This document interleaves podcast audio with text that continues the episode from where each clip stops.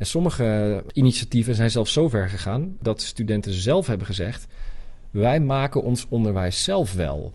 En wij hebben helemaal jullie docenten niet meer nodig. Fontis is niet alleen een hogeschool, maar ook een kennis- en onderzoekscentrum. Op deze vier domeinen: educatie, economie, mensenmaatschappij en techniek. Zo'n 40 lectoren geven binnen Fontis richting aan het onderzoek dat op deze gebieden plaatsvindt. In deze serie podcast spreek ik met hen over hun onderzoek hun gedrevenheid, maar ook over waar de innovaties die eruit voortkomen zichtbaar zijn in ons leven. Mijn naam is Bart Gieraats. Leuk dat je luistert naar Fontis Onderzoekt. Wouter Sandersen, welkom in deze podcast. Uh, tot voor kort was je lector beroepsethiek van de leraar bij Fontis Hogescholen. Dat doe je niet meer. Je bent onlangs begonnen als universitair docent educatie bij de Universiteit voor Humanistiek in Utrecht. En, ja, beroepsethiek van de leraar. Uh, wat zijn zoal de ethische aspecten van het leraarschap? Ja, ik denk Noem er eens een paar. Ja, ik denk dat heel veel mensen vooral denken aan uh, situaties waarin iets niet goed gaat. Dat er een, eerst een, een incident is doordat een, uh, een leraar iemand slaat bijvoorbeeld. Of zo. En dat er dan meer regels moeten komen, zodat uh, docenten morgens wordt geleerd. En daar ben ik eigenlijk mee begonnen om me daar tegen af te zetten. En eigenlijk ethiek te zien niet als een soort politieagent om um, leraren even een lesje te leren wat wel en niet goed is. Maar eigenlijk dat ethiek veel meer gaat omdat je preventief docenten met elkaar een gesprek voeren over wat ze eigenlijk goed onderwijs vinden. Wat ze onderwijs met kwaliteit vinden. Om daar sowieso gewoon in het dagelijkse werk meer tijd voor te maken om dat te doen. En hoe doe je dat? Zet je ze bij elkaar en zeg je van, uh, heb het er eens over? Of hoe moet je het voor me zien? Nou ja, dus wat, wat ik bij Fontes heb gedaan, is dat ik een aantal um, kenniskring, uh, kenniskringen heb uh, begeleid. Dus dat zijn groepen leraren, opleiders en docenten van scholen in Noord-Brabant. Die met elkaar praktijkonderzoek doen. En ik ben zelf filosoof van huis uit. Dus je zou misschien verwachten dat ze daar dan uh, hele dikke pillen gaan lezen. Maar uh, dat is eigenlijk niet het geval. Uh, die docenten hebben eigenlijk allemaal ja, iets onderzocht wat speelde in hun eigen praktijk. Dus je kunt dan denken aan je begeleidt stages. En je merkt dat de studenten die je begeleidt, dat die allerlei morele dilemma's hebben. Of je bent docent. Wat voor, de, wat voor morele dilemma's hebben ze dan? Nou, bijvoorbeeld hoe dichtbij mag ik bij uh, leerlingen komen. En niet alleen fysiek, maar ook uh, ja, hoe vriendschappelijk moet ik eigenlijk met leerlingen omgaan. Want die studenten die, ja, zijn 17 als ze beginnen aan zo'n leeropleiding. En die staan vaak voor, voor de klas in het begin met leerlingen die ja, amper uh, jonger zijn dan zij zelf. Dus uh, hoeveel afstand, hoeveel nabijheid moet ik bewaren? Of hoe vriendschappelijk uh, mag ik omgaan? Hoeveel van mezelf mag ik eigenlijk, eigenlijk laten zien? Zijn er regels voor? Uh, nou, niet dus regels in de zin van dat er een uitgewerkte, uitgewerkte beroepsethiek is, zoals dat geldt voor veel andere professies. Zoals als je een psycholoog bent of een verpleegkundige of een politieagent, dan is er een uitgewerkte beroepscode waarin allerlei regels staan. Um, waar je aan moet houden om een goede professional te zijn in dat vakgebied. Maar bij, docenten is dat niet het geval. Er zijn natuurlijk wel andere regels. Dus überhaupt uh, wetgeving, waar staat wat, uh, wat je als leraar moet, moet kunnen en weten.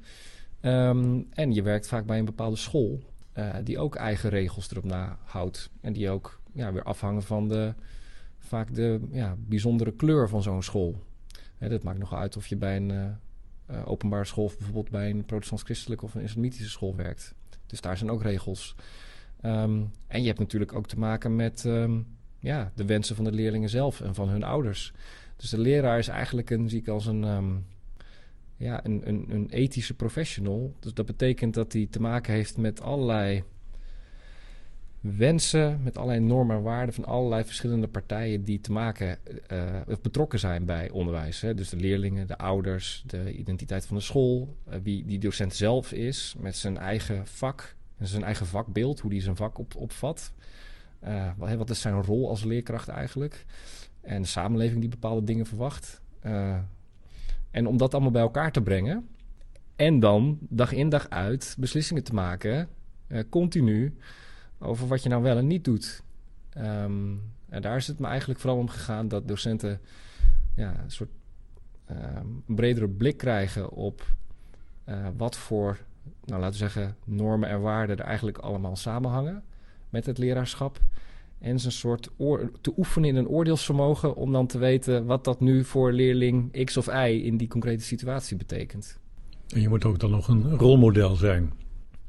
Ja, de rolmodel, een rolmodel zijn is denk ik een heel belangrijke manier waarop leraren kunnen bijdragen aan de vorming, de vorming van leerlingen.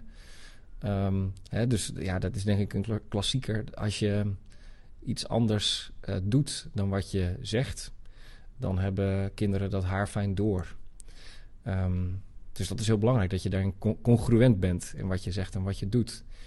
Tegelijkertijd denk ik dat er, dat er veel meer mogelijk is dan alleen die voorbeeldfunctie. Dus dat is heel fundamenteel. Maar tegelijkertijd zijn er nog veel meer middelen, of hebben leraren nog veel meer middelen tot hun beschikking om aan de ja, brede vorming of aan de beelding uh, van leerlingen bij te dragen. Dus om een voorbeeld te geven. Um, nou, ik gaf eerder een voorbeeld uit uh, van uh, taal. Als je docent ehm, Nederlands bent, of de leeropleiding Nederlands volgt, dan zou je kunnen zeggen: Oké, dat gaat alleen over technische dingen. Je, ehm, je moet iets van uh, weten over de opbouw van een boek en van karakterontwikkeling en hoe een plot in elkaar zit en wat voor soort openingen er zijn. Literatuur, ja, ja, ja, ja. als het over literatuuronderwijs gaat, en dat, dat is ook allemaal hartstikke belangrijk. Dat is echt een belangrijke basis. Maar, uh, zeg maar, alle grote romans gaan ook over um, ja, grote morele thema's. gaan over leven en dood, over lijden, over rechtvaardigheid, over moed, over trouw en ontrouw, et cetera. En over schoonheid. Eh, absoluut, zeker. Ja, dus ik, tuurlijk, ja, ook dat. En maar nog dat veel, gaat buiten de moraal natuurlijk. Nou, en nog, nog, nog veel meer. Ja. En um, dus het gaat niet dan alleen om de voorbeeldfunctie van die docent Nederlands, dat hij, hij of zij zijn leerlingen daarmee respectvol omgaat, of eh, begripvol is en geduldig, et cetera. Dat is belangrijk. Maar je kunt ook je vak gebruiken om in dit geval in, um, uh, in, in grote verhalen bepaalde thema's uh, eruit te lichten.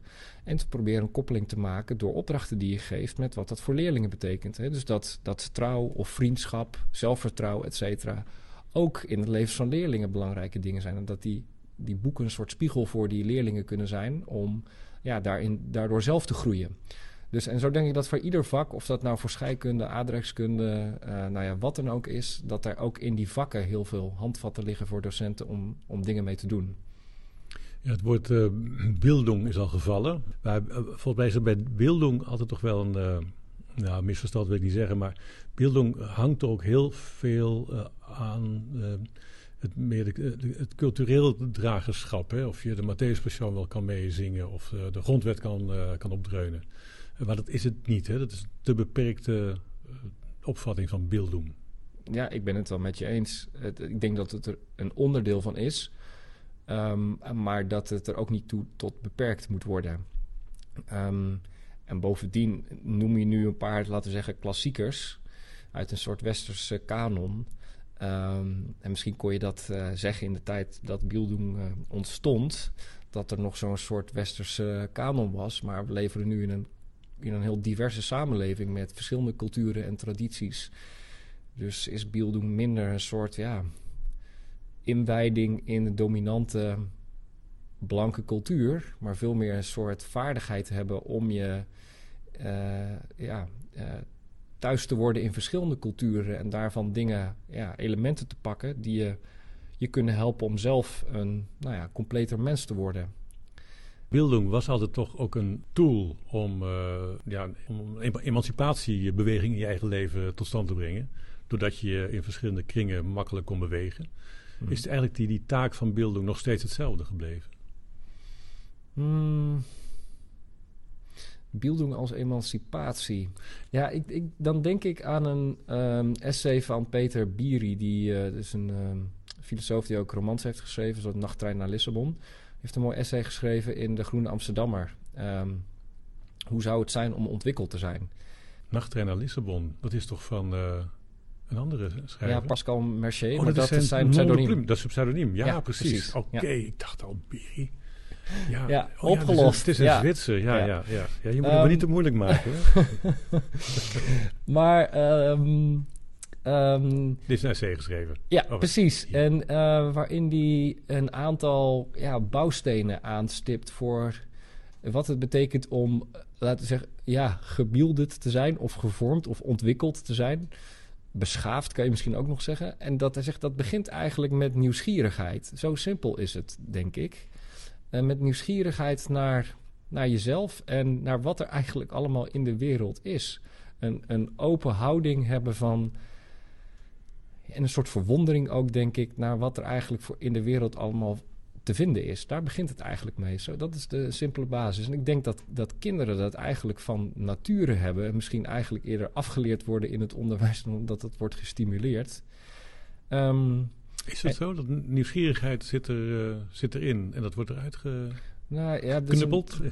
Nou, ik heb niet precies die uh, onderzoeken paraat. Maar ik meen me te herinneren dat uh, uit onderzoek, empirisch onderzoek blijkt dat inderdaad de nieuwsgierigheid of creativiteit, bijvoorbeeld als je het hebt over hoeveel vragen kunnen mensen stellen uh, bij een bepaald thema, is dat jonge kinderen dan met veel meer verschillende vragen komen dan volwassenen. Ja, of dat je dat ook gaandeweg een, een middelbare schoolperiode ziet afnemen. Maar dit is even wat ik me zo meen te herinneren. En ik heb dat niet zo okay, paraat. Dus uh, ik moet daar voorzichtig in zijn. Um, maar goed, uh, ja. nieuwsgierigheid is een, uh, ja. is, is, een gegeven eigenlijk bij leerlingen. En dan heb je nog, dan komen er andere dingen bij kijken als um, ja, een bepaalde geletterdheid. Dat je um, door te kunnen lezen bijvoorbeeld in contact kunt komen met allerlei werelden. Ik bedoel, dat kan ook ook door Netflix kun je ook in contact komen met andere werelden. Um, dus daar valt nog wat meer over te zeggen. Maar dat je, door, dat je basale geletterdheid nodig moet hebben om in contact te komen met, met, met mensen en, en andere werelden. En dat je dan vervolgens, denk ik, hè, dus dat is denk ik ook belangrijk voor Om, juist omdat je dat we zien dat het met de geletterdheid van uh, jongeren in het Nederlands onderwijs achteruit gaat. Um, en geletterdheid bedoel je gewoon dat ze boeken, literatuur hebben gelezen, niet kranten of tijdschriften? Nou, ook. ook maar ook een, een um, um, uh, boeken die zeg maar tot de verbeelding spreken. Dus die niet alleen ja, feitelijke beschrijvingen van situaties zijn, maar waarbij verbeelding wordt geprikkeld om je te verplaatsen in iemand die in een hele andere tijd of plaats leefde en daarmee um, zegt Marta Noesbaum bijvoorbeeld, dat je je, je empathie kunt ontwikkelen. Hè? Je kunt verplaatsen in iemand in een hele andere situatie. En dat dat ook kan doorwerken, is haar idee in hoe we omgaan met, uh, met echte mensen in het dagelijkse leven. Dat je daar ook een soort compassie voor kunt ontwikkelen. Dus dat literatuur daar een soort oefenschool voor compassie uh, is. Ja, ik ben me van bewust dat heel veel dingen heel snel abstract gaan klinken. Maar beelding gaat in essentie volgens mij om dat je een uh, aan jezelf werkt door contact met de wereld. En dan met de wereld bedoel ik de door mensen gemaakte wereld, dus door, door cultuur.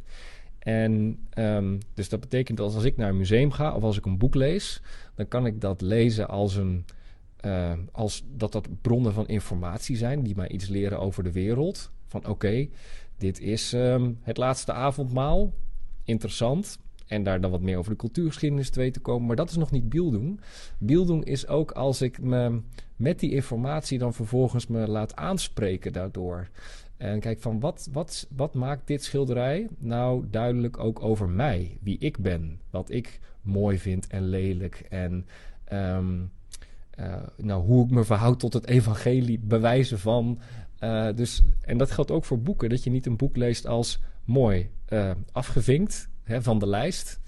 Maar dat je ja, leest voor het leven. Dat je kijkt, wat, wat doet zich daar nou in aan uh, dat mij aanspreekt en wat maakt dat duidelijk over mij en hoe ik eigenlijk wil leven. Dat is een, ja, wat, wat Noesbaum noemt een, een minder toeristische manier om boeken te lezen, maar een, ja, je zou het een existentiële kunnen noemen. Beelden. Waarom zou je er aandacht aan besteden in het onderwijs? Waarom moet dat? Nou, dat heeft denk ik te maken met dat. Ja, vroeger, wanneer dat vroeger dan ook precies was. het eigenlijk de, het, het, het levenspad van jongeren veel meer uitgestippeld was. Ehm, dus dat als je vader een postbode was, dan nou, was de kans groot dat je zelf ook postbode werd. Of ehm, nou, als die leraar werd, dat je zelf leraar werd. En uh, ja, dat, dat is nu niet meer zo. Um, en dat betekent dat, dat jongeren een, ja, een lange ja, oriënterende fase in hun leven hebben. Waarin ze ja, aan het zoeken zijn over wat wil ik en wie ben ik? En wat wil ik laten worden? Waar ben ik goed in? Um, en dus ontzettend veel vrijheid hebben, denk ik.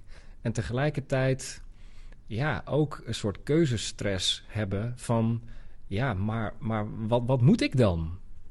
En ik denk dat um, zou je kunnen zien als dat dat een bepaalde ja, oriëntatie biedt voor jongeren om ja, zich af te vragen of, of die vraag van wat is nou een goed leven voor mij om daarin verder te komen. Het biedt een, een, een oriëntatie voor, voor jongeren. Wat vind ik eigenlijk belangrijk? Ja, ja. En hoe verhoud ik me tot anderen? Ook niet alleen wat vind ik belangrijk, maar ook vanuit het idee dat je altijd ja, met anderen te maken hebt. Van ja, wat is een goede omgang met, met, met anderen, maar ook met de natuur of met het, met het milieu? Hoe zie ik daar mijn verantwoordelijkheid? Mm. En um, nou ja, waarom dan in het onderwijs? Dat is denk ik vooral dat het in eerste instantie onmogelijk is om niet aan vorming te doen. Dus door alle beslissingen die leraren dag in dag uitnemen en de manier waarop een klaslokaal is ingericht of een schoolgebouw eruit ziet of wat er op het curriculum staat en de, de omgangsvormen met de studenten en met de docenten onderling, et cetera. Daar gaan allemaal signalen van uit. Hè. Dat heet een, een hidden curriculum. Uh, over wat, uh, wat goed en belangrijk is. En, en wat jongeren zouden moeten nastreven. Of dat uh, nou, bijvoorbeeld presteren is. Of concurreren met je klasgenoten. Um, of dat dat zorgzaamheid is en dat je mag falen. Dus dat, dat, daar zitten constant, overal zitten signalen in over wat, wat zo'n leven goed of waardevol maakt. en jongeren die pikken die signalen op. En de reden dat ik denk dat het belangrijk is dat er in het onderwijs dat men met beelding bezig gaat, is in eerste instantie dat docenten zich eens bewust worden van dat ze die signalen uitdragen op allerlei manieren. En dan gaan nadenken over, ja, sta ik daar eigenlijk wel echt achter? En wat vind ik daarin dan eigenlijk wenselijk? En kan ik misschien, uh, behalve via die voorbeeldfunctie, ook nog op andere manieren daarmee uh, aan de slag gaan? Um, dus het is vooral onvermijdelijk dat, dat er in het onderwijs aan beelding wordt gedaan. Alleen dat kan wat gestructureerder, het kan wat doordachter en explicieter. Je hebt onderzoek gedaan hier mm -hmm. bij Fontis. Zeker. Dat is onderzoek naar de kwaliteit van de leraar toch eigenlijk? Hoe pak je dat aan? Mm, ja, niet heel anders dan, dan denk ik dat collega-lectoren dat uh, aanpakken. Um, dus het gaat in, wat ik eerder zei, het gaat over praktijkonderzoek. Dus ik, ik ben daar niet in eerste instantie degene die het onderzoek doet, maar dat zijn de leraaropleiders en de docenten die ik begeleid. Um, dus een voorbeeld is uit een um, Fontes Breed uh, onderzoeksproject naar, uh, we hadden het al eerder over Bieldoen. Um, en dat is een ontwerpgericht onderzoek. Dus het idee is, docenten die ontwikkelen eigenlijk altijd lesmateriaal. Dat doen ze ja, dag in dag uit, ook hbo-docenten. Maar dat kan je ook iets onderzoeksmatiger aanpakken.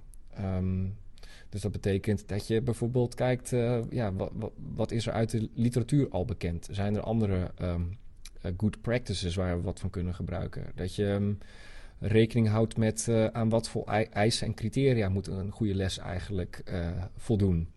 En dat je op basis daarvan dat ze een, een, een nieuwe les ontwerpen die dan iets met beelding te maken heeft. Dus uh, doseren aan een, de Hogeschool Sociale Studies of Journalistiek of um, Pedagogiek.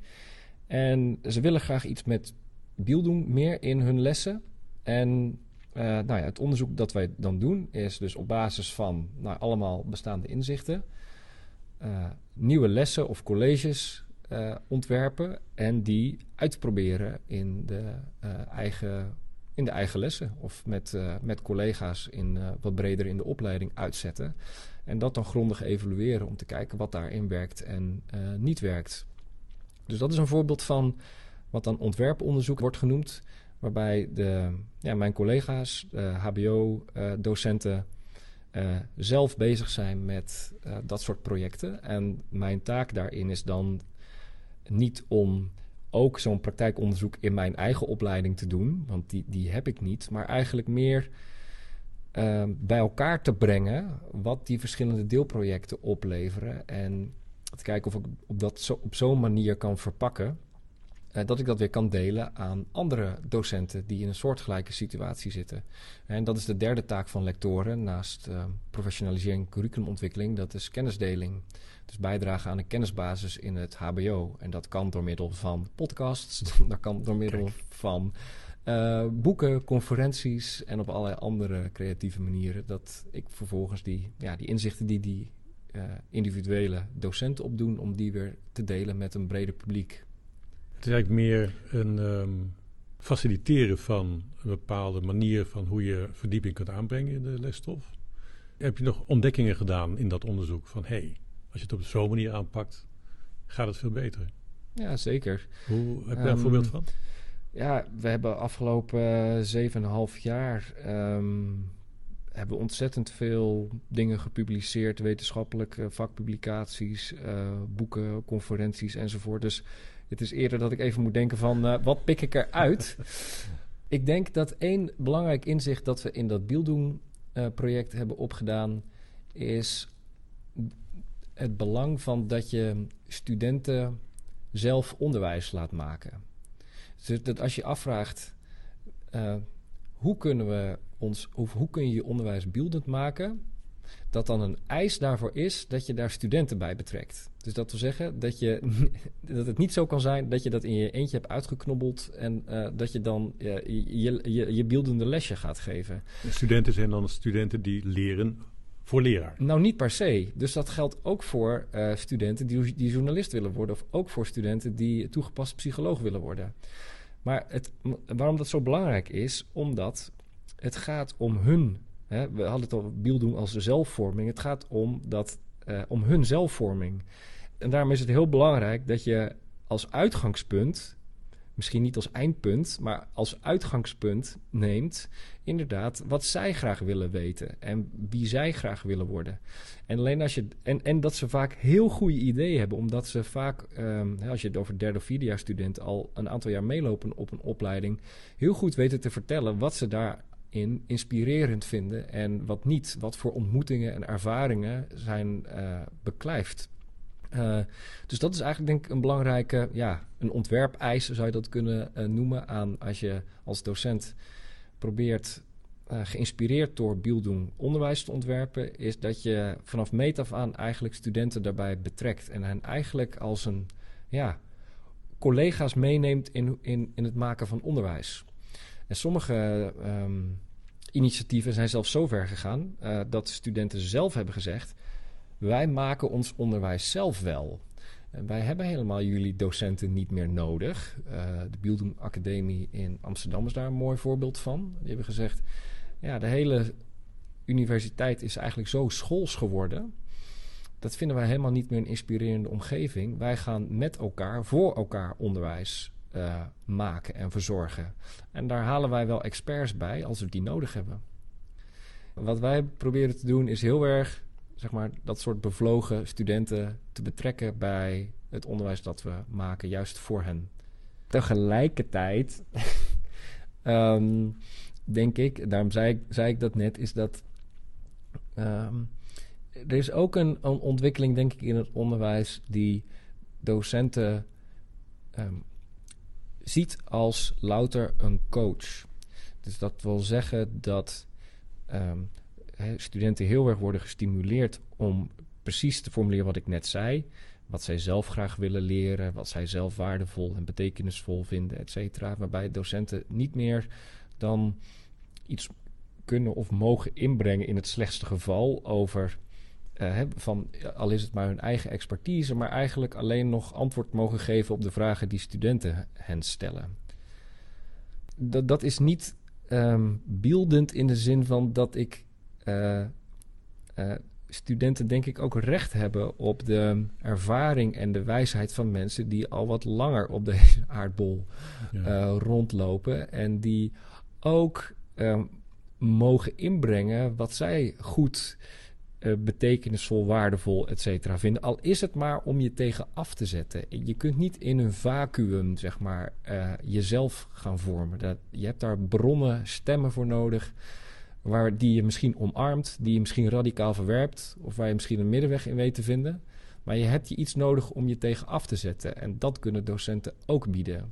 En in een model waarbij de docent louter als een soort coach, een soort vraagbaak ziet, is dat afwezig. Dan doen de studenten zichzelf tekort eigenlijk. Ja, ja gek. Paradoxaal genoeg wel. Als het gaat over de vormende taak van onderwijs, die, die steeds, waardoor roep om steeds groter werd als een, als een tegengeluid tegen wat dan het rendementsdenken is gaan, gaan heten, dat daar um, niet deugden of karakter de meest gebruikte begrippen waren, maar bieldoen. Dus dat men uh, dat die Bildung-traditie uit Duitsland veel mensen hielp om op een andere manier te denken en praten over onderwijs. Dus als je je afvraagt wat is goed onderwijs nou en je zoekt een alternatief voor rendementsdenken, dat die Duitse Bildung-traditie daar heel erg bij hielp. Of daar nou helemaal aan recht werd gedaan of niet, dat is dan het tweede, maar een soort, een soort ander, andere manier van denken dat het introduceerde. En ik heb daar een poosje afzijdig bij gehouden. Um, maar op een gegeven moment dacht ik, ja, ik wil toch wel eens uh, weten wat die, wat die traditie nou echt te bieden heeft. En toen heb ik mijn aandacht wat meer verlegd naar um, ja, die Duitse dichters en, uh, en denkers en de koppeling met, uh, met het hoger onderwijs van nu gemaakt. Welke Duitse dichters en denkers heb je het dan over? Nou ja, over Schiller, over Goethe, over Van Humboldt. Kijk, wat mij heeft gefascineerd aan de Duitse Bildung-traditie is dat in het spoor van de verlichting er een aantal mensen zijn geweest die hebben gedacht: iedereen heeft het recht om zich volledig te ontwikkelen. Niet alleen een bovenlaag in de samenleving, maar um, vrijheid en gelijkheid zijn, hè, en broederschap zijn voor, voor, op iedereen van toepassing. En uh, we moeten via publiek onderwijs voor iedereen, en dat is begin 19e eeuw ontstaan, ook in Nederland, um, moet voor iedereen uh, toegankelijk worden en door de, door de overheid geregeld worden. En dat is, een, dat is interessant wat, wat daar vervolgens gebeurde, omdat die overheid ook eigen belangen had met onderwijs. Namelijk in, nou ja, in het geval van Duitsland, maar dat zal in andere landen niet heel anders zijn geweest het kweken van ja, gehoorzame en brave, gedisciplineerde burgers. Um, die um, konden bijdragen aan het überhaupt ontstaan van een Duitse natie, die er, die er nog helemaal niet was in het begin van de 19e eeuw. Maar uiteindelijk binnen, wat is het, 1870, uh, 1871 uh, ontstaat. En daarmee eigenlijk dat ja, idee dat, dat mensen zich door publiek onderwijs in de volle breedte kunnen ontplooien door taal en literatuur en filosofie en kunst, et cetera, als een, als een doel op zich, werd langzamerhand ondergeschikt aan een, een brave burger en een goede militair worden. Natievorming. Ja, en dat is een soort dynamiek die je ook voor een deel in de 21ste eeuw ziet. Dat er een en dat interesseert mij aan die 19e eeuw. Dat ik daar par parallellen tussen zie, waarmee je ook een bepaalde waarschuwing, denk ik, kunt geven um, aan mensen die daar nu mee bezig zijn. En die waarschuwing is: uh, let op dat als je het over Bildung hebt, dat dat niet heel, heel snel geïnstrumentaliseerd wordt voor andere doelen dan ja, zeg maar een complete menswording. Uh, en dat is in dit geval, om een voorbeeldje te geven. Um, bij Fontes zie je dat bijvoorbeeld gebeuren, waar um, ehm, ook is ingezet als een manier om studiesucces te vergroten. En nou is dat wel een heel brede opvatting van studiesucces, maar dat gaat ook om langstudeerders die eigenlijk wat sneller uh, hun diploma moeten halen. En dat Bildung wordt gezien als nou, we gaan ook eens wat aandacht besteden aan creativiteit, ehm, aan kritisch denken, aan zelfvertrouwen. Uh, zodat die studenten eerder hun diploma halen. Nou, nou is het hartstikke goed dat je snel je diploma haalt op zich. Maar het is al haaks op een Bildung-gedachte. Ehm, waarbij het toch gaat over dat kritisch denken of creativiteit. Dat het gewoon dingen zijn die op zich de moeite waard zijn. Die je, die je leven rijker of completer maken. En dus door te kijken bij wat er in, met Bildung gebeurt in de 19e eeuw in Duitsland word ik ook, kan, dat helpt, me om ook kritisch te kijken naar hoe dat begrip zeg maar, in onze tijd wordt gebruikt in, uh, nou, in het onderwijs. Goed, je bent nu begonnen in Utrecht uh, aan de Universiteit voor Humanistiek. Wat hoop je dat er is blijven hangen hier bij de docenten bij, in Fontis na jouw vertrek? Wat ik hoop dat mijn collega's hebben meegekregen van mijn werk is überhaupt dat lesgeven een, een waardegeladen of een normatieve aangelegenheid is. Ehm, dat besef überhaupt, dat je niet alleen een vak geeft, maar ehm, daar altijd iets mee wil voor, voor studenten en voor de samenleving. Dat is denk ik één, dat is iets heel bazaals. En twee, ehm, dat die docenten zelf met wie ik heb samengewerkt heel veel ja, manieren van werken hebben ontwikkeld. Allerlei werkvormen, methodes.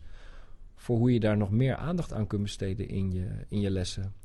En ehm, ja, mijn eigen rol daarin is eigenlijk heel erg bescheiden geweest. In de zin van dat veel van die goede ideeën, van hoe je dat aanpakt, door die docenten zelf zijn aangereikt. En ja, hoogstens door mij van een theoretisch kader zijn voorzien om het wat beter te onderbouwen. Maar ik, ja, ik ben heel um, gezegend geweest dat ik heb kunnen samenwerken met uh, collega's die biel doen of vorming uh, al een uh, warm hart toedroegen en ontzettend enthousiast daarmee verder aan de slag zijn gegaan. En dat het lectoraat hen eigenlijk vooral een tijd en ruimte bood en facilitering om dat nog meer te doen. Wouter Salles, bedankt voor dit gesprek en heel veel succes in Utrecht. Dankjewel.